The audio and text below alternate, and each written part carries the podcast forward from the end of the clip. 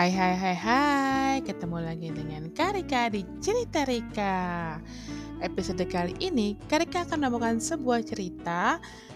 Uh, ceritanya klasik banget, judulnya Raja Midas. Kita dengarkan bersama ya.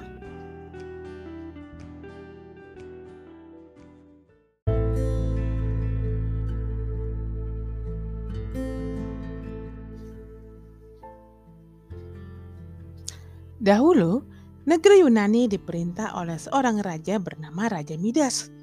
Waktu itu di sana masih banyak dewa dan dewi. Para dewa itu tinggal di Gunung Olympus. Mereka tampan, cantik, anggun, dan sakti. Manusia biasa menaruh hormat dan sedikit rasa takut pada mereka. Kecuali Raja Midas Raja yang periang ini tak pernah punya pikiran bagaimana mungkin para dewa akan mencelakakannya. Raja Midas suka sekali mengundang para dewa ke istananya untuk suatu perjamuan. Ya, Raja Midas sangat tertarik melihat penampilan para dewa yang anggun, cantik, gagah, tampan, dan sakti itu.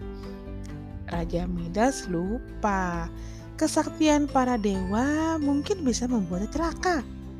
Suatu malam Raja Midas menjamu Dewa Bakus atau Dewa Anggur dan Pan, Dewa Hutan, serta beberapa gembala. Jamuan makan malam yang mewah. Karena puas, Dewa Bakus berjanji akan mengabulkan apa pun permintaan Raja Midas.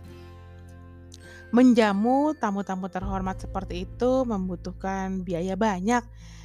Jadi Raja Midas berharap apa pun yang disentuhnya dapat berubah menjadi emas. Dengan demikian aku takkan kehabisan uang. Itu pikirnya. Dewa Bagus mengabulkan permintaannya. Mula-mula Raja Midas merasa senang. Disentuhnya bunga-bunga di taman istana. Eh, berubah jadi emas. Ia menyentuh semak-semak, pohon-pohon, serta dinding istana. Semua berubah menjadi emas berkilauan. Tapi ketika Raja Midas lapar dan ingin bersantap, apa pun yang disentuhnya menjadi emas. Paha kalkun, ayam panggang, apel, anggur, semua jadi emas. Raja Midas tidak bisa makan. Putri kesayangannya berlari masuk uh, dan memeluk Baginda untuk mengucapkan selamat pagi. Astaga, dia pun berubah menjadi patung emas. Raja Midas putus asa. Taulah dia sekarang betapa berbahayanya jika terlalu serakah. Untunglah Dewa Bagus kasihan padanya. Dikembalikannya semua yang tadi berubah jadi emas ke wujud semula. Raja Midas merasa lega tapi tak lama dia masih saja suka mengundang para dewa untuk datang ke perjamuannya.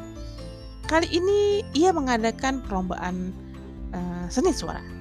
Malangnya Baginda lupa tidak memberikan hadiah pertama pada Apollo, dewa matahari. Dewa Apollo diam saja.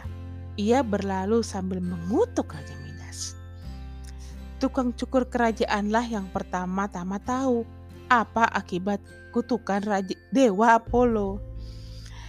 Telinga Raja Midas berubah menjadi telinga keledai.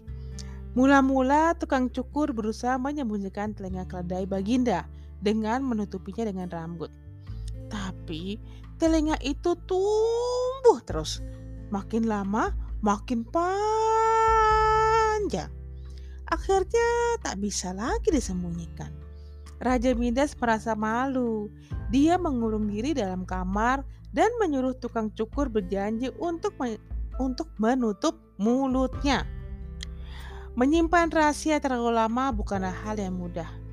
Tak tahan lagi, si tukang cukur menggali lubang dan berbisik ke dalamnya. Raja Midas punya telinga keledai.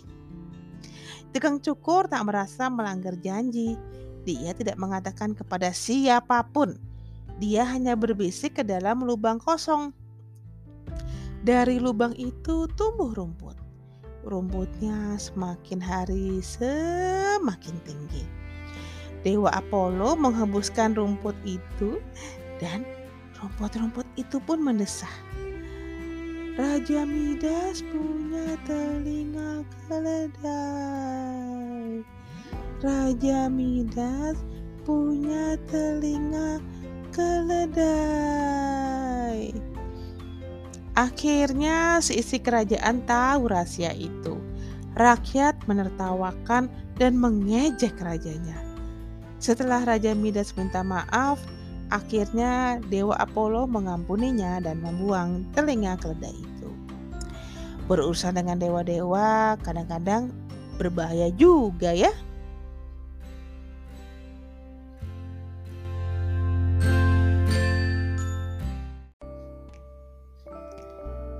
Nah, demikianlah ceritanya. Apakah kalian sudah pernah mendengar cerita Raja Midas tadi?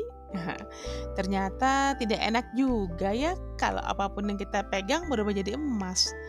Yang ada seperti Raja Midas, lapar. Ah, sampai ketemu di episode berikutnya ya. Bye.